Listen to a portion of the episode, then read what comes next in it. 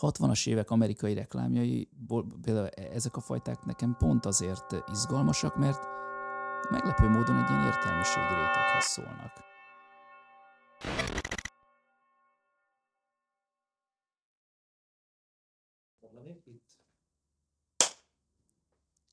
Szuper, nagyon profi. Nagyon profi. Na hát sziasztok, köszöntünk minden kedves hallgatót és nézőt itt a B Content podcast epizód következő adásában. A hallgatókat azért is emeltem ki külön, mert most már jelen vagyunk a digitális áruházakban, mint Spotify, Apple Podcast, Google Podcast, SoundCloud, Deezer. Iratkozzatok fel ezekre a csatornákra, de elsősorban YouTube-ra iratkozzatok fel, mert ott értesülhettek első körben ezekről a, az új videókról, új tartalmakról nézzétek meg a weboldalunkat, ott is rendszeresen beszámolunk ezek, ezekről az újabb podcast epizódokról, izgalmas témákat boncolgatunk. Ahogy korábban is tettük, kommunikációs témákat, ügynökségi témákat, szakmai témákat fogunk boncolgatni meghívott vendégeinkkel, próbáljuk megtalálni a Szentgrát, a kommunikációs titkokat fejtegetni, hogy, hogy tényleg mitől lesz különleges e, egy kampány. E, mellettem már megszokott módon Dani ül, a Contented Marketing ügynökség kreatív vezetője, aki itt azért a fantasztikus vizualitásért is felel, többek között, Érdekesség, hogy egyébként általában szét szoktuk bombázni ilyenkor az irodát, és, és adhok módon hozzuk létre ezeket a stúdiók körülményeket. Úgyhogy aki YouTube-on néz minket, az élvezheti ezt a vizualitást. De hát a lényeg, aki miatt ma összegyűltünk, az nem más, mint mai főszereplőnk, aki hát reméljük, hogy gondolataival tágítani fogja itt a szellemi teret a Content It stúdióban, az pedig nem más, mint Hegedűs Pali. Szia Pali! Sziasztok! Köszönöm szépen ezt a, ezt a bevezetőt, nagyon jól esett, hát bízom benne, hogy fel tudok nőni a feladathoz. Hát szerintem, szerintem fogsz tudni nekünk újat mondani. Készültünk ugye elő közösen egy picit a műsorra, a beszélgetésre, és össze is írtunk közösen egy, egy, egy rövid felkonfot veled kapcsolatban, kapcsolatban megengedett, hogy azt felolvassam, és akkor Igen, kiavítod, hogyha esetleg valamit rosszul mondok, vagy máshogy képzeled el. Hegedűs Pali, a Red Button és a Brand Venture reklámügynökség alapítója, közel 20 éve dolgozik marketingesként, szakmai tapasztalatát hazai FMCG vállalatoknál szerezte, majd ügynökségeknél kamatoztat tovább, szakterülete a trade marketing és a kategória management megoldások, az innovatív reklámok megszállottja, minden forrásból gyűjti az előremutató alkotásokat. Amikor nem éppen az impulzus háromszögében tartózkodik, két kislányával kutat unikornisok után, vagy kikapcsolódásként falabdázik és fut. Tehát egy, mindenképpen egy aktív, szellemileg és testileg aktív emberről beszélünk, igaz? Köszönöm szépen a felkompot. Hát ugye mindannyian ebben a szakmában dolgozunk, tehát nagyjából tudjuk, hogy itt a, az erősségek kidoborítása a, a, a fő cél. Ebben az esetben is ez volt. A lányaim azóta nagyobbak, tehát unikornisból kevesebb van. A futás meg a squashból, abból néha kevesebb, néha hozzájön egy kis úszás vagy foci, de nagyjából ez, ezek stimmelnek, igen. Hmm. Érintettem ezeket a területeket. Abszolút. Abszolút. És mi történik most jobban az idődet? Tehát az unikornisok kutatása, vagy inkább a, a szakmai ö, ö, kincseknek a feltárása? Abszolút a, a szakmai rész. A, a Brand Venture ügynökségemet azt, azt idén januárban indítottam, Úgyhogy hát azt bizonyára ti is tapasztaltátok, hogy egy ügynökség felfuttatása az nem két perc, ez egy, ez egy hosszú távú dolog, ez egy maraton. Én most ennek az első szakaszába vagyok, ennek az összes izgalmával, ugye itt megint csak az izgalmak, azok van olyan izgalom, ami extatikus öröm, és van olyan izgalom, ami szintén extatikus, de nem öröm. Abszolút. És ugye e, e, e, ezeknek a kettősével próbáljuk ezt ezt menedzselni. Igen, pont erről is akartunk beszélni veled, és ezek, ezek a témák abszolút érdekelnek minket, úgyhogy jól bele is vágtál az első téma közepébe. Ügynökség alapítás, nehézségek, ügynökségi élet, azért ebben neked van bőven tapasztalatod, most volt az életedben egy nagy váltás. Tudsz erről mesélni egy kicsit a nehézségekről, az alapításról, ennek, ezeknek a körülményeiről? Én azt gondolom, hogy egy, egy, mi egy elég komoly evolúción vagyunk ezzel uh, túl, amikor én kezdetben nem, nem, nem akartam ügynökséget alapítani. Uh-huh. Tehát eleve multikhoz mentem dolgozni, mert az volt bennem, hogy hát ez azért, ez egy ilyen elég vadregényes pálya, elég nehéz, jó lesz céges marketingesként dolgozni. És a, a céges marketingnek megvannak a maga szépségei. Tehát az Unilevernél kezdtem a pályámat, mi írunk 2002-t, tehát ugye akkor ez, ez 21 éve volt, most már egy kicsit félelmetes így kimondani, de, de, de ez történt. Ugye előző vendégetek Boroznaki Gergő, vele nagyjából két évre rá találkoztunk, Igen. amikor ő ügynökségi oldalon volt, a, a Rap Collinsnál, a DDB BTL részénél, mi pedig mi pedig marketingesek voltunk az Algidán, a, a, a jégkrém brandjén a, az Unilevernek. Az egy nagyon más világ volt, tehát hogy képzeljétek el, hogy voltak már online költések, körülbelül a budget 5-10 százaléka volt online, és, és ez egy ilyen, ilyen érdekes kis színes szagos cucc volt. Tehát mit ilyen banner hirdetések mentek mondjuk az Indexen, és akkor az már nagy dolog volt, hogyha, hogyha volt benne egy animgif mondjuk. Uh-huh. És hát az Unileverbe dolgozni az egy, az egy külön univerzum volt. Tehát ez egy, nem tudom ki mennyire ismeri, ez egy angol-holland vállalat. Ugye volt az Uni margaringyártó, az egy holland cég, és volt a Lever Brothers, az pedig egy, egy angol ilyen tisztítószergyártó márka volt. Ezek úgy döntöttek, hogy, hogy össze, összebútoroznak, ez lehet, hogy nem tudom, 50-100 éve volt, tehát ez, ez egy nagyon-nagyon hosszú történet, és nyilván a 90-es évekből bejöttek Magyarországra, megvettek pár márkát, azt nem biztos, hogy minden hallgató tudja, hogy például a, a Globus, tehát az a, a Globus ketchupok, az egy Unilever márka. Tehát a Globus, a babát, ez, ezeket megvették. Ugye ők akkor ér, azt a márka értéket felismerték benne, amit ma már mi, mondjuk szakmabeliek mindannyian tudunk, hogy, hogy mit jelent egy bejáratott brand, ami, ami kellő ismertséggel, ugye talán majd kitérünk erre, tehát hogy, hogy fizikai elérhetőséggel és mentális elérhetőséggel is uh-huh. rendelkezik, de akkoriban mi magyarok ezt nem sejtettük, és ezért ők ezért jó pénzt fizettek, ezt megvették, és így, így pörgették a piacot, és egyik, egyik része a, az Algida volt, amely korábban Eskimo néven futott, volt egy komplet jégkrémgyár, aki ezt kiszolgálta Veszprémben, talán azt hiszem most is van, tehát az is működik. És ennyiből ez egy nagyon izgalmas terület volt, hogy gyakorlatilag új termékeket vezettünk be, kampányokat készítettünk, ugye a szélzes kapcsolatot irány, hát irányítottuk, ezért túlzás, szerettük volna irányítani, vagy meg, meg, meg, megmondani a sarokkövet a szélznek, a szélz meg nyilván megmondta nekünk, hogy valójában hogy működik a piac, de azt hiszem, hogy ez, ez minden cégnél így megy. Hát, hogy nagyjából ennyi. Röviden, tehát nagyon De akkor bele... te itt, itt kapcsolódtál be igazából úgymond a marketing Abszolút. világába. Ez volt az első, első lépés? Hát előtte ugye én is a külkerem végeztem. Igen. Ugye Harsányi Dávid nál a reklámszakirányon, de meglepő módon, hogy reflektálva Gergő beszélgetésre mondta, hogy tök jó előadókat hozott. Elképzelhető, hogy ez egy későbbi időszakban volt. Nálunk még én, én nem emlékszem nagyon arra, hogy ilyen reklámos arcok gyakran feltűntek volna, amit sajnáltam. És talán ez is orientált abban, hogy akkor inkább multis környezetbe menjek. Uh-huh, uh-huh.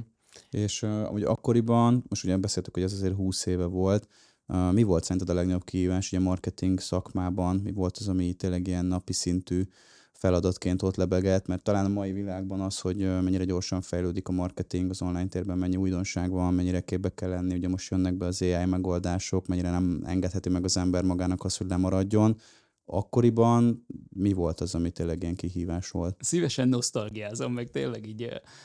Én azt gondolom, hogy ott a, a POS és az event marketing volt uh-huh. az, ami ilyen új terület volt.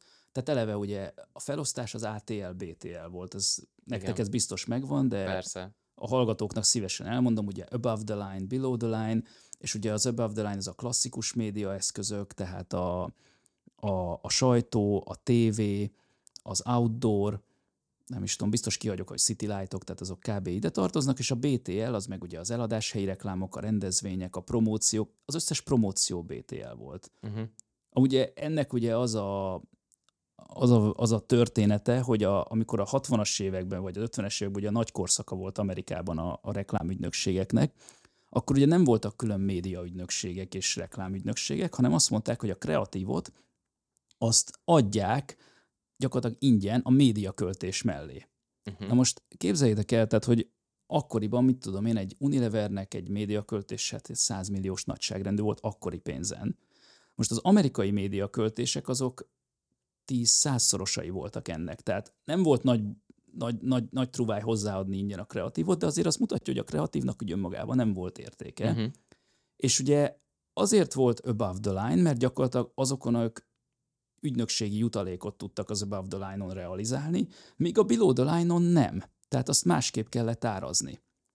A Gergőékkel úgy kerültünk kapcsolatba, ha most visszaugrunk mm. 2002-re, hogy a, a nagy multis ügyfeleknek megvoltak a globális szerződései az ATL ügynökségekre. Tehát hiába voltál egy szuper tehetséges ügynökség, nem tudtál rájuk tende, nem tudtál tenderezni csak a BTL dolgokra, mert azok nem voltak még leosztva nemzetközi szinten. Hmm. És ezért mindegyik nagy cég, mondjuk a DDB is csinált egy, egy BTL üzletágat. És akkor azzal viszont be tudtak kerülni a multikhoz, ugye mindig vannak ezek, hogy mindenki elmondja, hogy mi, mi lehet jobb, vagy ilyesmi, tehát ott nyilván az volt a sztori, hogy hát, hát van egy globális ügynökségünk, de nem biztos, hogy ez a legjobb, de nem mi választottuk. Uh-huh. Viszont a BTL-ben ott meg tudunk valami eredetit, valami, valami helyi specifikumot behozni. Tehát akkor ott jött létre a valós verseny igazából a Below the Line uh, Igen, tehát ott, ott, ott komoly tenderek voltak, tehát uh-huh. a, a, a Rep Collins is egy, egy ilyet nyert meg. Ott hát én olyan kis zöldfülű marketingesként kísértem ezt végig, de, de hát az, az szuper izgalmas volt. Tehát jöttek a nagy ügynökségi tenderek, volt, aki limuzinba ültette a csapatot és elvitte a saját főhadiszállására, elárulom, nem ők nyertek. Tehát, mm-hmm. hogy így mhm. azért... Tehát nem működik, ne csináljuk ezt, pedig gondolkodtunk rajta. mm, erre azt tudom mondani, hogy és ez nyilván szubjektív, én sokáig nagyon kerültem a trest. Igen. De a trash az mi vagyunk. Tehát trash kell. Az a kérdés, hogy milyen szinten. 10% trash, az tök jó. Uh-huh. Ke- kell, valami, kell valami kis cukorka, valami mágnes, valami... De, de tehát most nézzek, imádom a cicátokat, a, Igen. a, a neki nekót.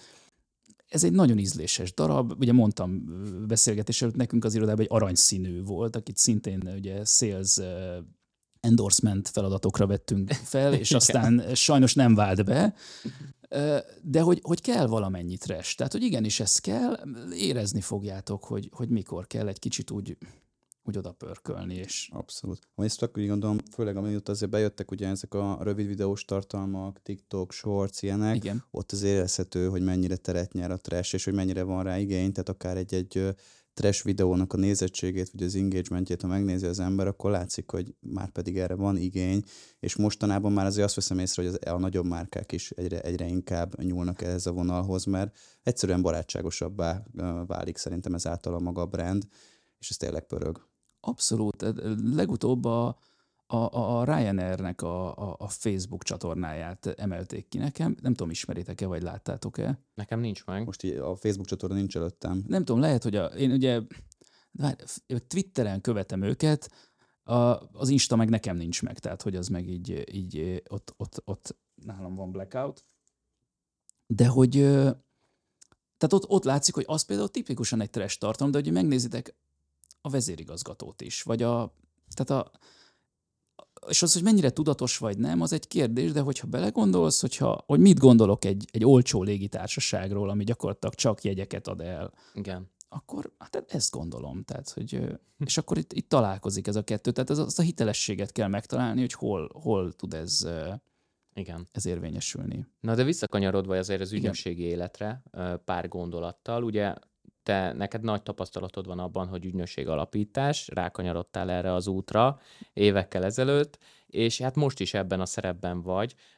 Mesélsz erről egy kicsit, hogy, hogy, hogy milyen funkciókat láttok ti most el, mit csináltok a, a Brand Venture-nél, mi az, ami a ti fő fókuszutok? Először is szeretnék reflektálni arra, hogy nagy tapasztalatom van. Egyrészt ez nagyon hizelgő, másrészt ez úgy fordítom le, és akkor tudok vele azonosulni, hogy hát sok ilyen szíváson túl vagyok, amin más esetleg még annyira hát ez nincs. jelenti végül is. Igen, tehát hogy, hogy ilyen szempontból valóban nagy tapasztalatom van, mert, mert mi tényleg nulláról kezdtük az elején, uh-huh. és, és az volt a, a, az első gondolatunk, hogy igazából, ha jó munkát csinálsz, az el fogja adni magát. És ha ma megkérdeznétek, mi a legnagyobb különbség, azt gondolom, hogy nem, a jó munka nem fogja eladni magát. Kevés. Önmagában kevés. De ez kicsit nem egy marketinges csap, de ilyen szempontból, mert az ügyfeleinknek ugye mindig azt mondjuk, hogy hát kell a marketing ahhoz, hogy, hogy, hogy jól menjen az üzlet, és saját magunkra vetítve meg néha nem érvényesítjük ezt az igazságot, ugye? Mert azt mondjuk, hogy hát a jó munka majd eladja magát. Egy kicsit igen, Ebbe a csapdába valóban. mi is belesétáltunk többször. Igen, tehát hogy, hogy, hogy nem elég, és a másik, ami, amivel, ami meg nagyon, hát ez a struck me ez a surprise, hogy ez a, az ügyfeleknek szükségük van edukációra. Uh-huh. Tehát emlékszem egy, egy, egy, egy szövegíróra, aki, aki bejött hozzánk még marketinges koromban, és megmutatták a, a, a prezit, és mondta, hogy srácok, láttátok? Ez nagyon jó. És így néztem rá, hogy hát azért ezt hadd döntsem már el én, nem? Uh-huh. És mai fejjel értem, hogy mit mondott. Jó, egyrészt egy nyomulós szélzes volt, Igen. de azt is látom, hogy azért, hogyha ugye funnelbe gondolkodunk, és ugye mikroelköteleződések vannak, tehát senki nem fog ide bekopogni most a, egyébként a csodás helyen lévő Aladár utcába, egy ilyen Igen. nagyon békés polgári környékre, és azt mondani, hogy srácok, én most nem tudom pontosan, hogy hol lehetne 600 millió forinttal egy szerződést kötni egy ilyen integrált marketing kampányra, Milyen jó lenne. Hanem inkább az lesz, hogy elmentek egy tenderre, ott az nem sikerül, de ott megismerkedtek valakivel, azzal összefuttok egy fesztiválon, az összefuttok, ott ugye a pluszot le lehet nyitni az Excelben, hogy van úgy, hogy tényleg összefuttok, és van úgy, hogy másfél évig Uh-huh. három szélzes próbál vele összefutni. Igen. És akkor jön a kampány, és akkor előálltok az ötlettel, és mi fog történni? Ugye meg fel fogják vizezni. Tehát ugye, még hogyha egy marketingessel beszéltek, és ami nem minden cégnél jellemző, és ugye beszéltük esetleg még a KKV-k marketingéről beszélünk, ott is ez egy fő probléma, hát nem értik ezt az egészet, basszus. Tehát nekem rengeteg olyan beszélgetésem volt, hogy, hogy mint hogyha oda mentem volna a belgyógyászhoz, hogy kicsit most így látom, fáj, fáj itt nagyon a, a vakbelem, de hogy én nem azt szeretném, hogy úgy vágják meg, hogy ilyen 45 fokosan, hanem egy, egy ilyen, ilyen függőleges vágást. Uh-huh, azt uh-huh. ugye lehet, ugye? Persze. És inkább az utolsó öltést azt én csinálom meg, mert ugye a Marikát azt nem kell bemutatnom, neki van egy varrógépe, tehát ugye ő igazából ott az orvosnál ugye azonnal, hát azt mondják, hogy "Fia, húzzál már innen. Igen. Mi mit csinálunk?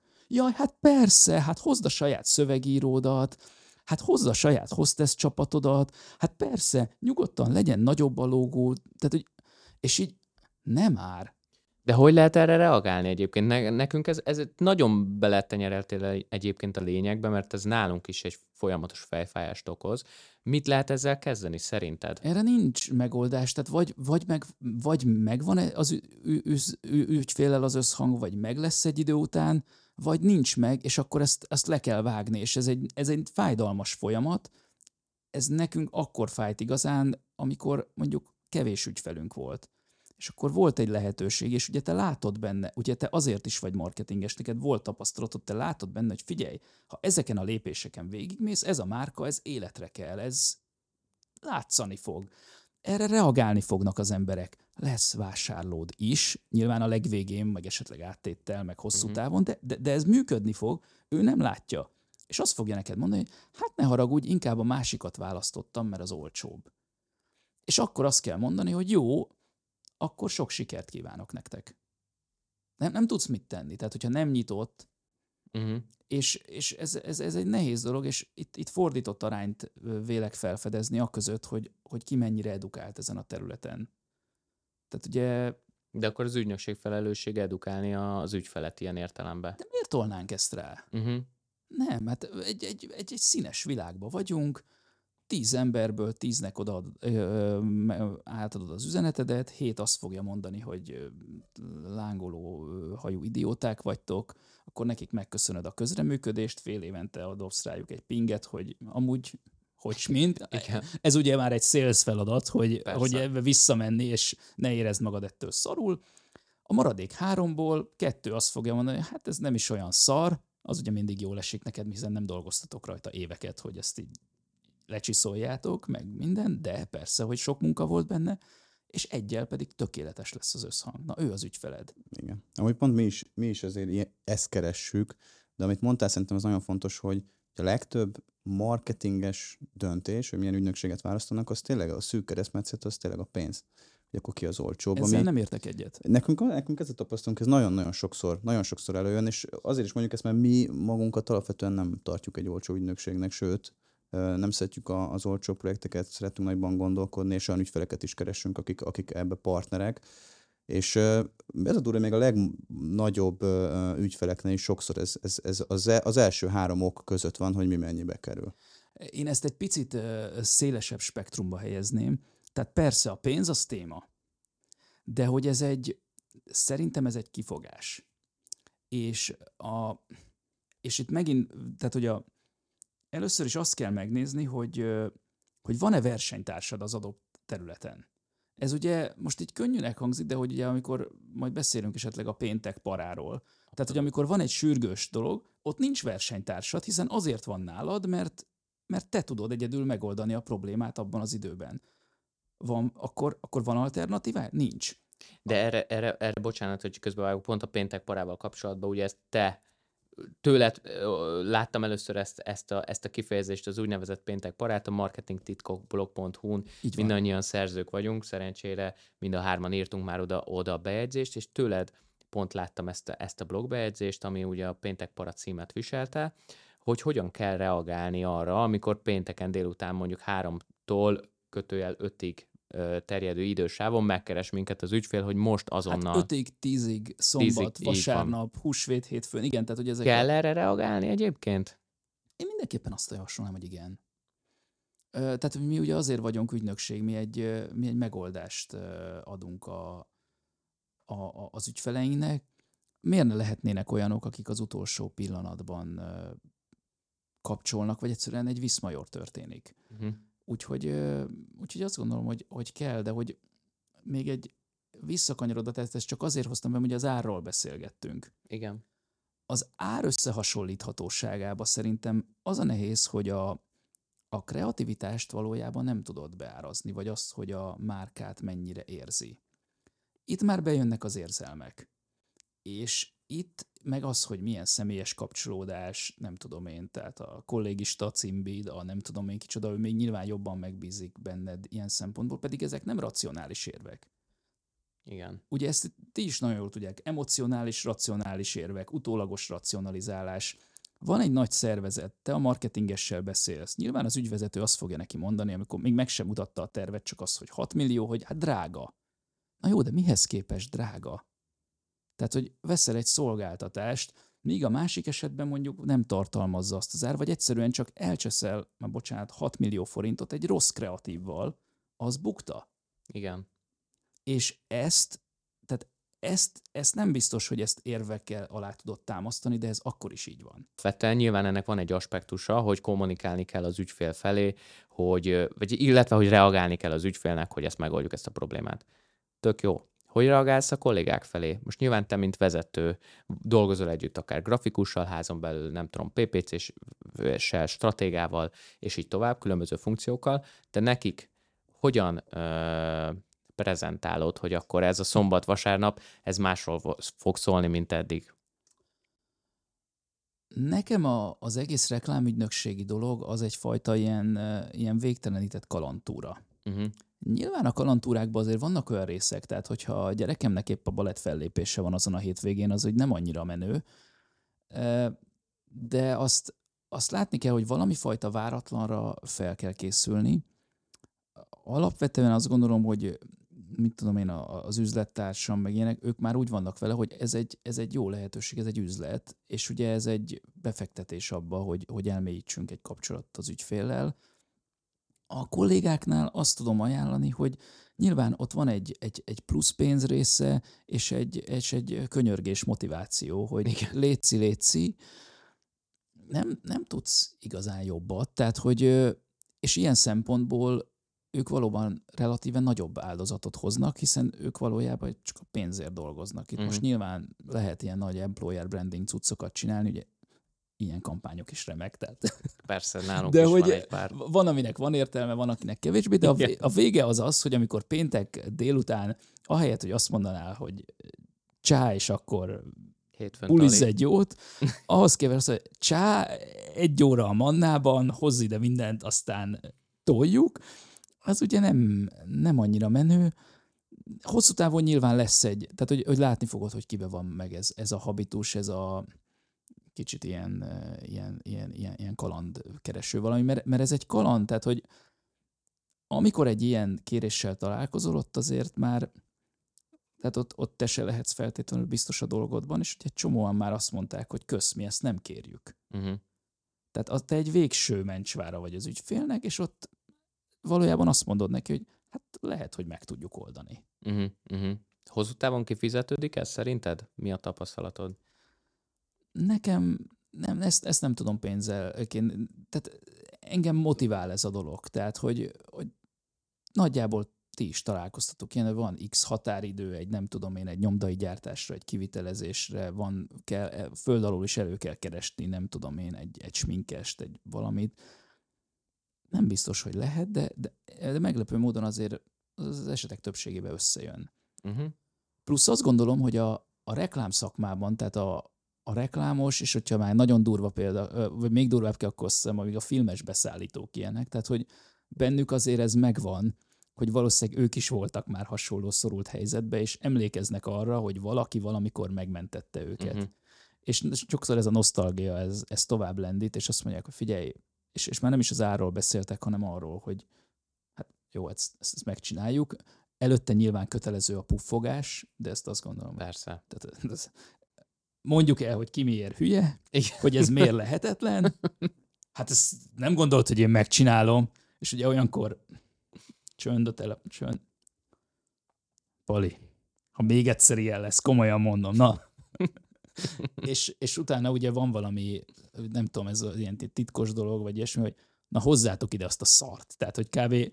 Tehát kell egy ilyen, ilyen macsó, ilyen, ilyen, ilyen nagyon trágár dolog, amit nem értek pontosan, hogy miért, de és akkor valahogy összeáll. Igen. Ja, amúgy abszolút. Ebből a szempontból például ez tök igaz, az ügynökségi, meg szerintem a kreatív szakma, az, az tényleg ilyen. Tehát én minden nap úgy jövök be, hogy lelkileg fel vagyok készülve arra, hogy igazából bármi történhet, és, és, és általában ez meg is történik. Tehát tényleg nincs, nincs egy olyan nap, amit így az ember eltervez, és akkor az úgy zajlik, rengeteg adhok projekt van, meg, meg belső dolgok, de szerintem ez, ez pont a szépsége, tehát ettől izgalmas, és ettől, ettől nem érzem azt így a nap végén, hogy akkor még egy napot ültem bent a, a, az íróasztal mögött, Ez és nem igaz, de, semmi. de néha azért valljuk be túl szép. Tehát, hogy ha esetleg ezt pályakezdők hallgatják, tehát, hogy nem tudom, nekem ugye van, van pár ügyfelünk, akinek ilyen, ilyen office brandinget csinálunk, és nekem a, a, a legjobb élményeim egyik, amikor hozzájuk bemegyek, és akkor megkérdezem, figyelj, és nem gond, hogyha itt leülök nálatok egy órát gépez, és persze, nyugodtan, és mondom, te meg mennyire nyugi van, mekkora chill, és nyilván ez azért van, mert én megcsináltam náluk a saját projektemet, és most már engem nem nyomaszt az, ami őket nyomasztja, Igen. azok a riportok, azok a határidők, azok a meetingek, azok a motiváló főnökök, akik ugye nagyon motiválók tudnak lenni. Igen. Tehát, Abszolút, nyilván azért is mondta ez Dani egyébként, mert ő, ő, ő nála szoktak egyébként nálunk leginkább landolni ezek a dolgok, hogy, hogy mondjuk az a kérdés nem ritka, hogy figyelj Dani, ez neked le van töltve ez a program a gépet, töltsd már le gyorsan, nézzük meg, hogy hogy kell ezt megoldani. És, és hát ebből adódik nekem a következő kérdésem is, hogy a, a, ezeket a funkciókat, amik mondjuk adhok, kellenek néha. Érdemes házon belül tartani, vagy érdemes kiszervezni? Melyik a, melyik a jobb ügynökségi modell? Eleinte mi az, arra gondoltunk, hogy, hogy házon belül lenne jobb minél több dolgot tartani. Mai fejemmel inkább azt mondom, hogy ha az ügyfél szemével gondolkozunk, már pedig ugye mi is nagyjából azt adjuk el nekik, hogy, hogy a vásárló szemével gondolkozzon, az ügyfél számára, tehát nincsenek olyan problémák, hogy ez offline, ez online probléma, nincs olyan, hogy huha, kell nekem 20 póló, akkor ehhez kelleni fog egy, egy promo ajándékos, meg egy szitás. Neki az van, hogy valaki ezt csinálja meg, és ilyen szempontból ez egy, ez egy egykézből adott szolgáltatás, onnantól fogva, hogy te kivel, hogyan, hány kurflival oldod meg, az öt, öt nem, nem fogja érdekelni. Uh-huh. Úgyhogy ezért gondolom, és, és ugyanakkor azt is gondolom, hogy mivel elég komplex, tehát hogy biztos, hogy elő fog olyannal jönni, amire azt mondjátok, hogy mi, hogy betonbetűkből feliratod? Ne. Ja, nincs. De hát felrakta az előző cég, na ez, ez a kedvencem mm. egyébként, tehát, hogy, és akkor tényleg megmutatja, és akkor ott állsz így lefagyva. De ez, ez tényleg, hát plexi, az igen, beton nem. és, és, és ahhoz lehet, hogy célszerűbb, hogy, hogyha van egy, meg szerintem előbb-utóbb kialakul egy ilyen network hogy kit mivel lehet hívni, ki az, aki ezt valamennyire kedveli, valamennyire tolerálja, és ki az, aki meg nem, mert, mert mondjuk neki ez nem pálya. Abszolút. Na, de hát, hogy kiveséztük az ügynökség életet, nem akarok teljesen minden adásba ebbe a témába elmerülni, mert, mert már kicsit ilyen megfáradt marketingeseknek fogunk tűnni hónapról hónapra, amikor jönnek ki az újabb és újabb adások. Arra gondoltam, hogy egy picit a reklámok nyomába eredhetnénk, kicsit vizsgálhatnánk régi, klasszikus reklámokat, és hát az újakat is, az érdekességeket itt is megnézhetnénk a nagyvilágból. Vannak neked kedvenc reklámjaid egyébként, amiket szívesen hivatkozol, és azt mondod, Abszolút. hogy na ez, ez az? Abszolút, hát rengeteg van. Én amúgy nagy reklámtörténet fenn vagyok.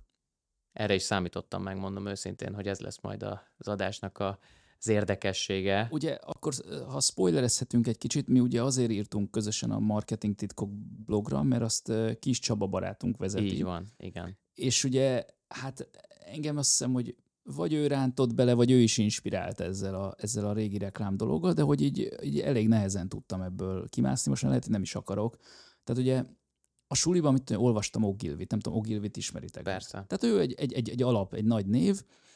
Ugye, ami érdekes volt, ugye hoztam egy Ogilvi könyvet magammal, és ott a 70. oldalán ő azt írja, hogy egyszer várja, hogy a, hogy a nyomtatott sajtónak eljöjjön a reneszánsza. És szerintem ő, ő nem feltétlenül a blog kultúrára gondolt, de hogy a blog az pont az, amit ő csinál. Tehát, hogy, hogy azok a, tehát, hogy nála például úgy működött, hogy megírta a cikktörzset, azt nagyjából ő maga, és akkor a, a címet, azt viszont azt csinált 40 verziót, tehát nem sokat, tényleg 40 címverziót, és azt körbeküldte a csapatnak, uh-huh. és mhm. ők ötleteltek még rajta, vagy elmondták, hogy melyik a legjobb. Ugye ma is ezt csináljuk, tehát hogy ugye a, a, a cím az a, a legfontosabb hook, tehát hogy ott az, annak a helyén kell lennie, úgyhogy ő ilyen szempontból ezt megjövendölte.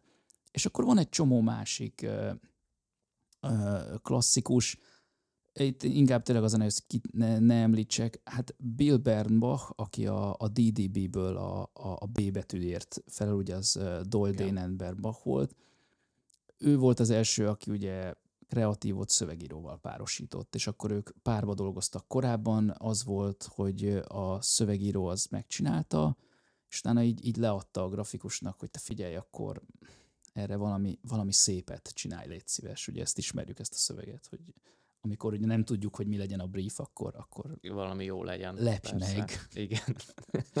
hát, hogy ezek igen, lehet. És... De ez végül is ma is így működik, nem? Tehát, hogy kvázi, kvázi először születik meg a szöveg, és akkor ahhoz készül a grafika. Ők párba dolgoztak. Uh-huh. Ja. Tehát, hogy a, ott a, a, az emblematikus kampányuk, a, a Volkswagen bogár bevezetésén a Think Small, ahol ugye a, a hirdetés, az A4-es sajtóhirdetésből nagyjából az 1 8 méretbe volt egy kis bogár betéve, mert hogy ugye kicsi. És ugye furcsa, mert ugye mi most egy kulttárgyként gondolunk a bogárra, de hogy akkoriban az egy, hát hogy mondjam, olyan volt, mint egy kis polszkit akarnának az amerikai piacra dobni, tehát hogy ott ilyen hatalmas cirkálók, és ez meg, az mi? Uh-huh. Tehát, hogy és, és ugye az a hirdetés, az pont olyan volt, hogy az, az viral lett, tehát hogy ugye eleve fekete-fehér volt. Azért volt fekete-fehér, mert nem volt pénzük színes hirdetést venni és kevés labba adták le, és utána ugye ez csomó megosztást ö, ért el meg mindent, tehát ugye mindannyian erre vágyunk, hogy csináljunk egyszer egy olyan kampányt, amiről jó értelemben beszélnek. Hát az, ez, ez, ez, ez mondjuk, tehát ez, ez, ehhez óriási szerencse, próbálkozások, stb. kellenek. Amúgy mit gondolsz arról, hogy hogy itt a nagy megfejtés az, az, az ez a plakát kampány volt, vagy úgymond a cím, ez a húk, vagy pedig, vagy pedig inkább a megfejtés egy ilyen kampány jellegében az eszközök megválasztása. Most ugye ma, manapság rengeteg eszközzel tudunk ö, ö, elindulni egy kampány során, besz- offline eszközökről, Igen. online eszközökről beszélhetünk, de azon belül is display kampányokról, search hirdetésekről, tehát egy csomóféle fajta dolog van, és, és sokszor vannak jó ötletek, de inkább egy kampánynak a sikeressége abban rejlik, hogy, hogy milyen eszközökkel párosítod ezt, hogyan juttatod el az emberekhez. Régen egyébként voltak ilyesfajta kihívások, vagy elég volt akkor egy, egy, egy kreatívban gondolkodni, és egy jó szövegben? Soha nem volt ez egyszerű. Uh-huh. És azt gondolom, hogy a, tehát vagy számomra legalábbis a, a megfejtés azért a, a jó stratégiában van.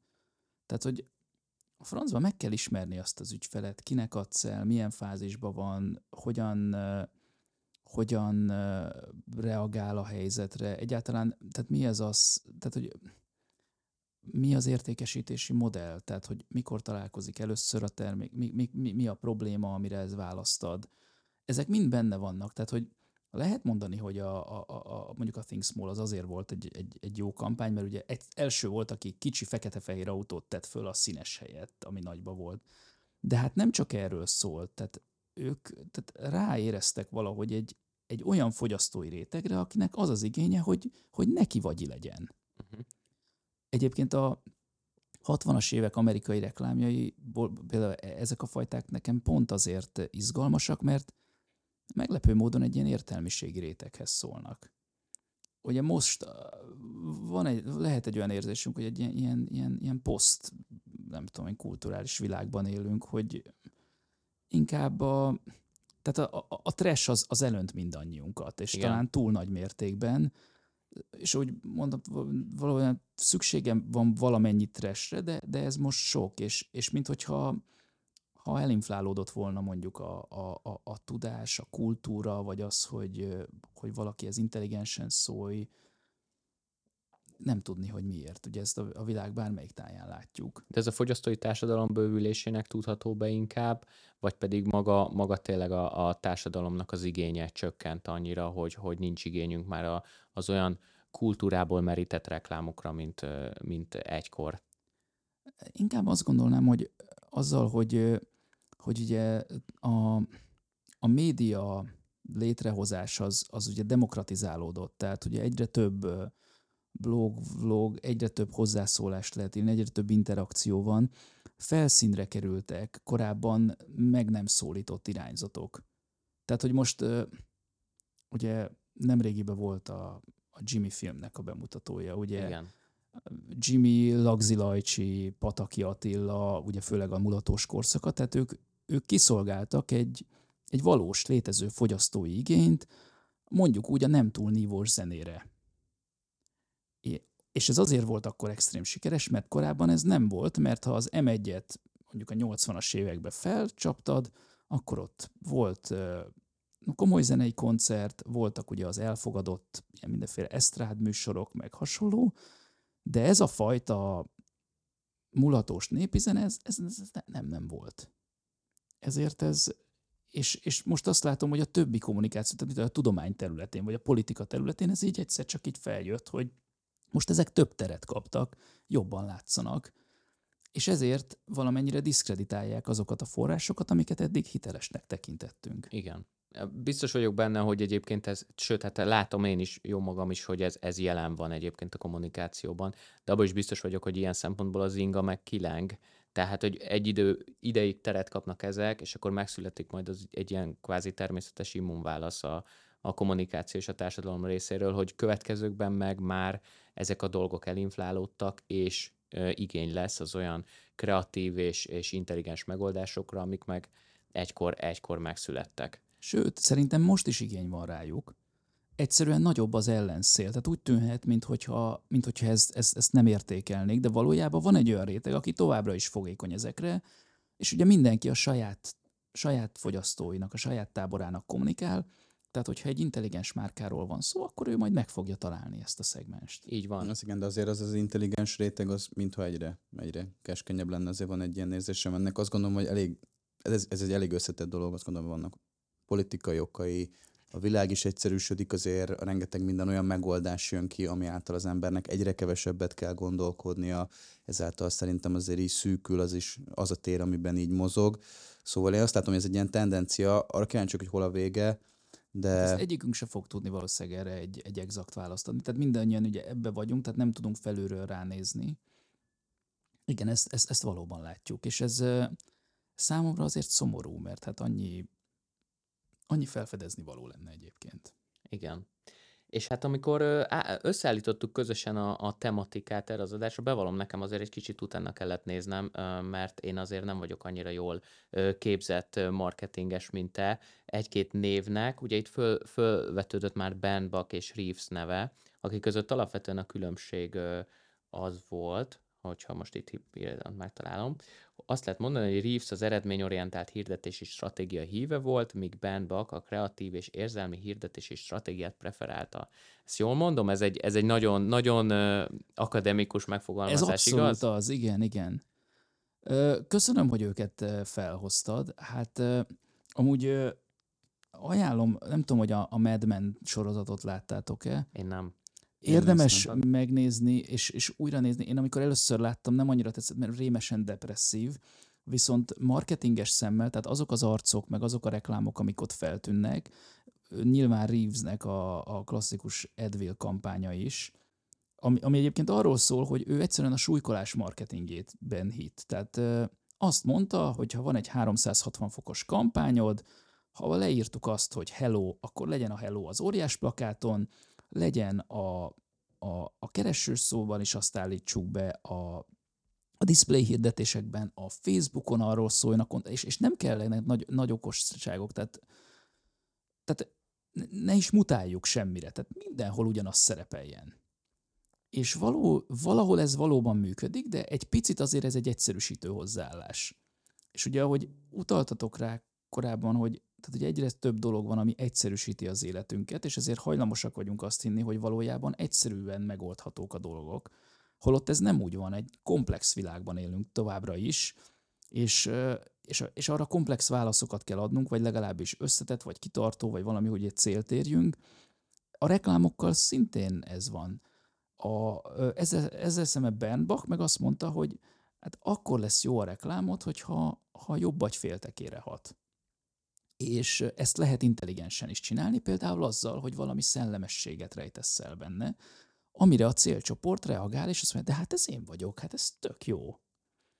Tehát, volt olyan reklám, például arra appellált, hogy hát azért veszed ezt a terméket, mert intelligensebb vagy, mint a többiek. Hát, na, ná, hogy ezt fogom venni. Tehát, hogy ez...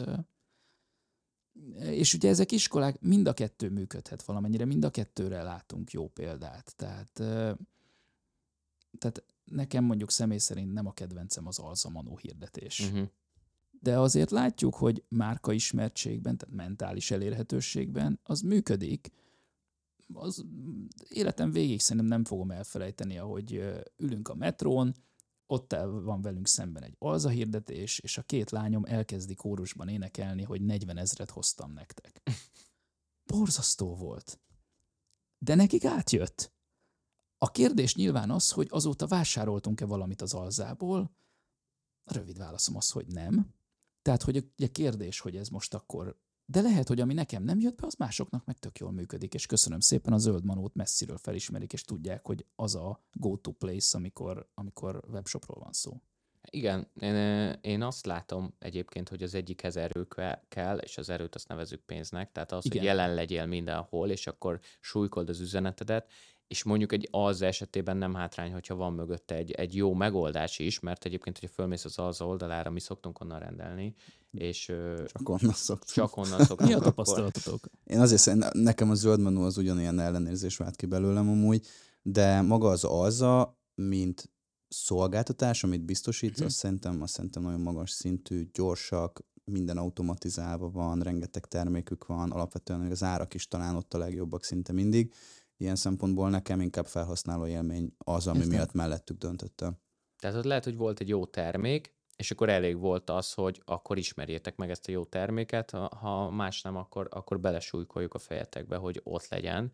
Míg mondjuk inkább, én azt látom egyébként, hogy inkább a kisvállalkozásoknak az igénye a kreativitás, hogy olcsón, kevés erőforrással mondjuk, csináljunk valami nagyon kreatívat, valami nagyon látványosat, esetleg gerilla marketinget, hogy, hogy jussunk el az De emberekhez. hát ilyen meg nincsen. Igen.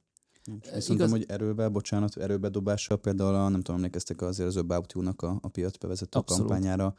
Hát ha volt kampány, ami arról szól, hogy itt van pénz, meg van erő, és mindenki is halljon róla, ugye üzenet nem volt szinte Nem, semmi, abszolút. akkor azt szerintem egy nagyon jó példa erre, és, és hát működik, tehát ez egyértelmű. Itt szerintem nehéz szétszálazni, hogy, hogy mennyire, mennyire van a kreatívnak, vagy mennyire önmagának, önmagában ennek a súlycsoportnak, vagy annak, hogy ugye beleállsz egy, egy nagyobb büdzsével létjogosultsága. Valahol lehet, hogy hitkérdés is. Én, én abszolút a kreatívba hiszek. Ez lehet, hogy egy gyengeség is hosszú távon. Tehát, hogy én azt gondolom, ha van ott egy kreatív, miért ne használnánk ki annak a lehetőségeit, és, és abba hiszek, hogy az, ez a szolgáltatásról vagy a termékről kell, hogy szóljon, és, és arról, hogy, hogy tényleg bevonza, vagy felkeltse azoknak a figyelmét, akik valamennyire a vásárlás közelébe vannak, vagy fontolgatják ezt. Én látok erre jó példákat, de nyilvánvaló, hogy a másik, másik oldalon is vannak jó példák, és, és van, akinek meg valószínűleg az, az fog működni. Uh-huh. Inkább azt mondanám, hogy, hogy én ez a, nem vagyok a cut corners híve. Tehát néha egyszerűen végig kell menni az úton, jól kell a médiavásárlást is csinálni, de, de jó, jól kell, hogy legyen a kreatív is, és ez, tehát ez nem, valójában nem ördöngösség. Tehát akkor nagyjából ez zajlik ma, hogy a két iskolának a vegyítése? Úgy gondolod, az a megoldás? Hát igen, tehát, hogy, és azt is gondolom, hogy tehát amikor a, tehát én rengeteg ilyen KKV-s sztorinát hallgattam végig, hogy hát akkor majd kreativitással, meg buzzword marketing, meg nagyon eredeti ötlet, de hogy ez is olyan, hogyha megnézitek a nagyon eredeti ötleteket, basszus, az a legritkább, hogy a nagyon eredeti ötlet egyszer csak így kijön, és nem volt előzménye. Tehát egy csomószor van az, hogy egy márka kommunikál mondjuk három-négy évig, és akkor mondjuk a negyedik év végén jön egy ilyen ötlet. Vagy az van, hogy, hogy leváltanak egy figurát, vagy nem tudom én, és, és akkor a, a másik az jobb lesz, de, de, de nagyon ritka az, hogy nulláról nem kommunikáltam, és az első marketing, amit csinálok, hú, Igen. Van. Igen. Hát de ezt várják az ügynökségtől, tudod. Ez, a, ez, a, ez az elvárás, hogy hozzátok ti az ötletet, a nagy kreatív megoldást, és kvázi erő, a legkevesebb erőforrás igénybevételével ez, ez legyen uh, hát világra szóló. Legjobb Jó. esetben, legrosszabb esetben mondhatjuk. Na és miért fontos a márkaépítés szerintetek a kisvállalkozóknak, a KKV szektornak fontos, meg tudnak lenni anélkül, vagy ma már elengedhetetlen, hogy egy minimális márkaépítés legyen? Én azt látom, hogy, a, hogy valahogy hogy ott a KKV az eleve onnan kezdődik, hogy, hogy mennyire van, van rend a fejekben a marketingről. Tehát, hogy egy csomószor az van, hogy hát nekünk nem is kell marketing. És amikor elkezdünk beszélgetni, akkor kiderül, hogy azért csinálnak marketinget.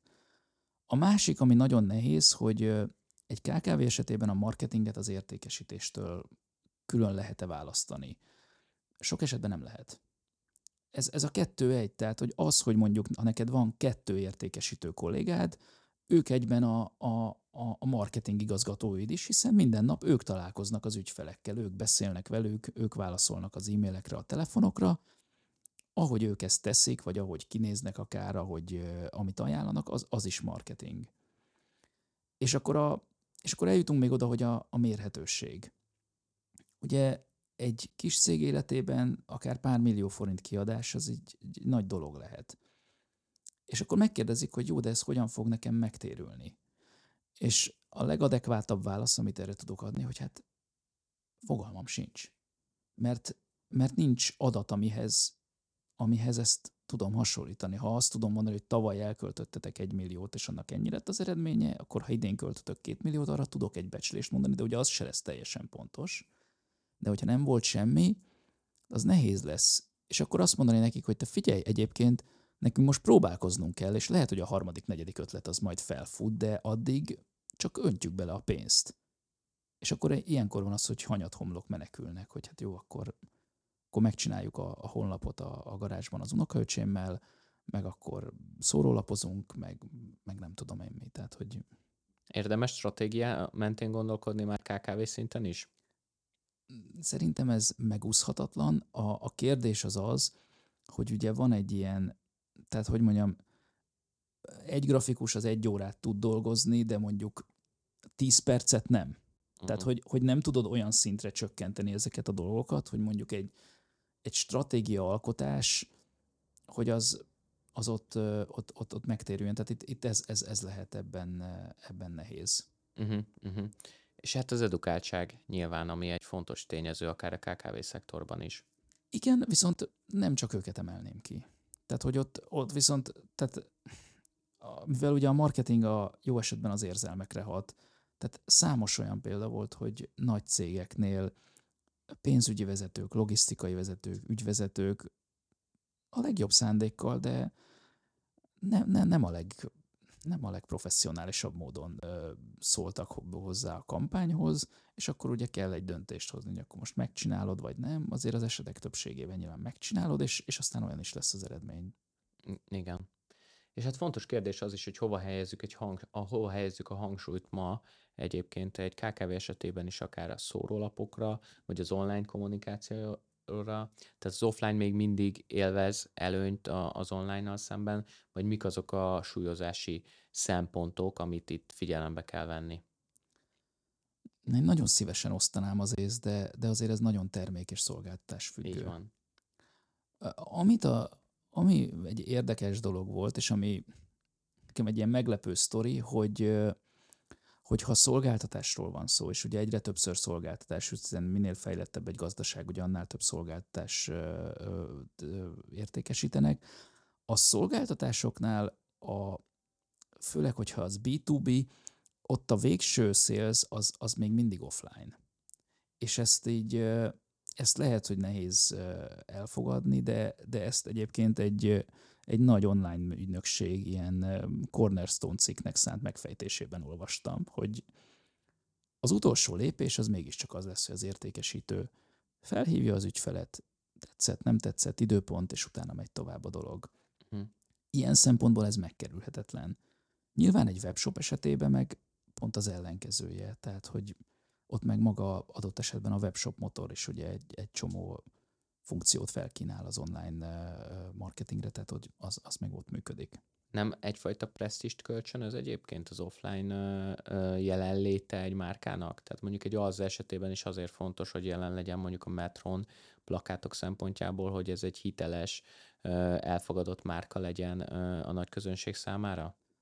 Egyrészt, másrészt viszont azt gondolom pont az alza, tehát amelyik FMCG márka, ott kontaktus számban elképzelhető, hogy, hogy hatékonyabb egy, egy offline továbbra is. Uh-huh. Tehát egyszerűen tehát lehetetlen online reprodukálni egy olyan nézőszámot, mint mondjuk egy, egy metro plusz billboard hirdetés esetén. Igen. Nyilván a hatékonyságmérés az, a, az, a, az ami a szűk keresztmetszet. Ez egy nehéz cucc ezzel kapcsolatban ugye fontos nézni, hogy, hogy mit mérünk. A, az offline hirdetéseknél a, a, a mentális elérhetőség szerintem az, amit, amit érdemes nézni. Tehát, hogy gondoltok egy tetszőleges márkára, mondjuk olyanban nem vagytok involválva. Mondjatok egy ilyen területet. Magyar márkát? Nem, egy kategóriát. Uh-huh. Uh-huh. Sport mondjuk. Nem nagyon néztek sportot? Hát nem.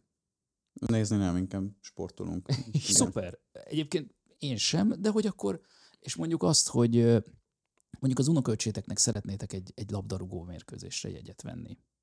És akkor gondolkozzatok el, hogy milyen csapatok jutnak eszetekbe. Hm. Az, amelyik, ez az első három, ami eszetekbe jut, annak a legerősebb a mentális elérhetősége. Uh-huh azt, ezt a mentális elérhetőséget kb. olyan kampányokkal lehet fenntartani, hogy látszik ez a dolog, hogy mondjuk az offline térben jelen van, vagy hogy a közvetítéseken látod a molinókat a háttérben.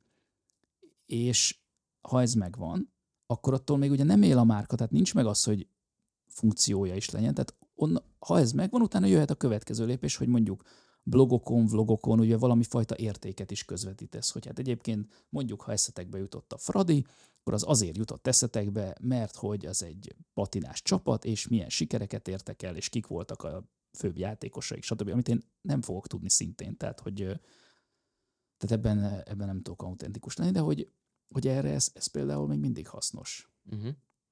Rengeteg márkáról beszéltünk már, rengeteg érdekes kampányról, a külföldi, külföldi példákat hoztunk most itt elsősorban, néhány magyart is. Vannak neked egyébként, Pali, személyesen olyan, olyan példák, amit szívesen kiemelsz, és, és te dolgoztál rajtuk? Hát azt hiszem, hogy a, a, a, a logótervezési projektjeinkre arra, arra, arra nagyon büszke vagyok. Tehát például most a, az ajtósi Dürer soron ugye épül a, hát Dürer irodaház, annak a logóját azt, azt, azt mi terveztük, hasonlóképpen a, a, a, a Váci Egyházmegyének. Arra azért vagyok büszke, mert ugye mi elsősorban profitorientált cégekkel dolgozunk, de nagyon, na, nagyon jó érzés, amikor, amikor egy, egy, egy non-profit szervezettel is együtt tudsz működni, tehát egyszerűen megint csak az az érzés, hogy, hogy úgy érzed, hogy az, az biztos egy békésebb világ, ami persze nem így van, ez egy illúzió, de hogy, hogy egy, egy jó cél érdekében az, az, az egy kicsit másabb. De egyébként a, és akkor még a logók kapcsán a Cover Meet említeném, az, az nemrég indult, ez egy, ez egy online biztosítás kötő app. És, és hát az meg, meg ugye azért izgalmas, mert arra a kategóriára gyakorlatilag az a jellemző, hogy nem érdekes. Tehát ugye a biztosítás az akkor jó, ha megkötöd, elfelejted, ennyi. Mert Igen. ugye utána, ha, ha nem, akkor meg ugye jön a helikopter, meg minden, amit ugye nem akarsz tudni. Tehát, hogy... És egyébként egyéb marketinget is végeztetek a, a Coverme-nek, vagy csak a név? Nem, a, a többit azt, azt nem mi csináljuk. A, a, meg, megúztátok a fekete levest szerintem, ilyen szempontból. Ö, nagyjából kapcsolatban vagyunk a, a, a, az alapítókkal, egyébként nagyon bírom őket. Nem tudom, tehát hogy ott nyilván egy, egy, egy induló márkáról beszélünk. Nagyon nehéz, egyébként mi is dolgoztunk együtt biztosítási szolgáltatást nyújtó céggel, és, és ha bár nagyon szerettük, és egyébként a logótól kezdve a, az arculaton át, a, talán a weboldalba is részt vettünk, és a stratégiát is mi készítettük, azért az látszik, hogy egy induló brandnél, egy, főleg ezen a piacon óriási erő kell ahhoz, hogy labdába tudj rúgni a hát hatalmas a többi játékos, az biztos. Óriási. És ugye ők folyamatosan kommunikálnak, és akkor itt ugye megint visszatérhetünk a mentális elérhetőség kérdésére. Tehát, hogy azt felépíteni, és ugye azt, ezt meg elmagyarázni az ügyfélnek, hogy te figyelj, tehát te most arra költesz, arra tolod a pénzt, hogy egyáltalán emlékezzenek a márkára. És az eladás Ja, hát az majd később jön. Igen. Na akkor mi hazamentünk, vagy ebédelünk, sziasztok, és ti meg, ti meg költsetek tovább. Tehát, hogy de, de ettől még ez így működik. Tehát, hogy azért szerintem az is egy izgalmas dolog, ha ma, a ma meglévő ilyen nagy mamut márkákat megnézzük, hát egy csomónál több mint száz év történet van mögötte. Tehát, hogy ezek, ezek nem ma indult cégek. Tehát mondjuk egy, egy, egy Daimler-Benznél ugye nem tudom, előttetek van-e a, a, az első, tehát egy, egy háromkerekű autó volt, mm-hmm. ez a, és egyébként most meg nem mondom, hogy Daimler vagy Benz volt, vagy melyikük csinálta, de hogy az gyakorlatilag a lovas kocsik, meg az ilyen kézi kocsik között ott, ott próbált valahogy így érvényesülni. Hát az a cég nem hasonlítható össze ezzel a céggel, ami ma van. Uh-huh. Tehát, hogy ez egy, de, de ahhoz el kellett tennie mondjuk 120 évnek akkor most mondd meg egy KKV vezetőnek, hogy nem kell 120 év, de 40 év múlva nagy lesz a márkád. Hát de bocs, nekem az már hol? Mi? De 40 évig dolgoz velem, az a tuti. Az a biztos. igen, és a prepaid módszert ajánlom. igen, igen, igen, igen, igen, igen. És egyébként említetted most a, a, a ugye a logókészítést, hogy ezekre igen. nagyon büszkék vagytok erre, erre tényleg személyesen is kíváncsi vagyok erre, e, erre a véleményedre, hogy ezzel kapcsolatban, hogy hogy viszonyul egymáshoz az account és a grafikus munkája hogy kinek van fontosabb szerepe. És egyébként nyilván laikus azt mondaná, hogy a grafikusnak, mert ő teszi fel a végső pontot az íre, tehát az ecsetvonásokat ő végzi, de hogyan viszonyul egymáshoz nálatok mondjuk a kapcsolattartó és a grafikus viszonya? Én ebben nem fogok tudni különbséget tenni, mert én ezt egy ökoszisztémában uh-huh. nézem. És na jó, azért van erre is egy sztorim. Howard Schultz, uh-huh. a Starbucks alapítója, a Star Kávéház című könyvét még megvettem 2004-ben, azt se tudtuk Magyarországon, hogy mi az a Starbucks, na azóta mondjuk tudjuk, oké. Okay. És, és akkor megkérdezte az egyik barisztáját, hogy szerintem mi teszi a Starbucksot nagyjá? Uh-huh. A kávé? Kiszolgálás, az egyedi arculat. Mi? És a barista egy gondolkodott egy darabig, és azt mondta, ez így minden együtt. És furcsa, mert én ezt először egy megúszós válasznak gondoltam, de mai fejjel az ügynökségre nézve pont ezt gondolom, hogy ezt, ezt így nem lehet kivenni. Tehát én, én ismerek tehát kiemelkedő grafikusokat, de kiemelkedő accountokat is akik nélkül nincs semmi, tehát, mert ő egy, ő egy fordító. Illetve az ökánt szerepre azt szoktam mondani, hogy ha, ha, ha egy account jól dolgozik, akkor úgy érzed, hogy őt bármikor ki lehetne venni a képből, hiszen hát minden tök simán megy. Inspiráló tervek, elégedett ügyfelek, betartott határidők.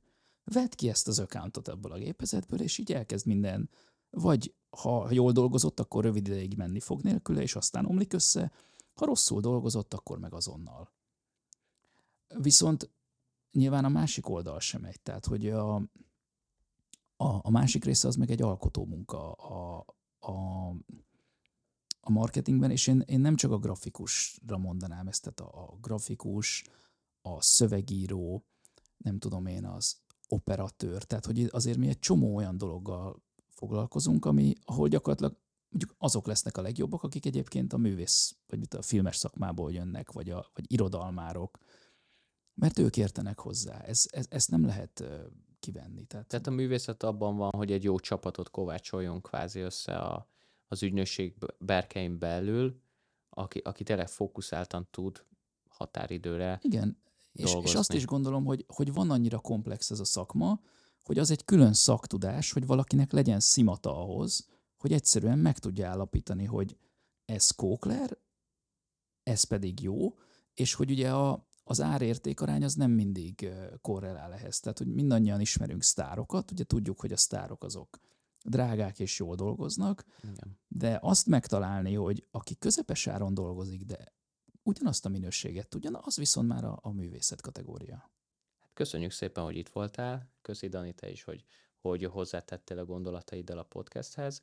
És hát akkor köszönjük a hallgatóknak és a nézőknek is, akik velünk tartottak ebben a, a podcast epizódban. Iratkozzatok fel YouTube-ra, vagy iratkozzatok fel a, a hang preferáltabb csatornákra, Spotify, Apple Podcast, Google Podcast, Deezer, SoundCloud, mindenhol jelen vagyunk, kövessetek minket, és találkozunk a következő adásban. Köszönjük, Pali, hogy itt voltál. Köszönjük szépen. Sziasztok.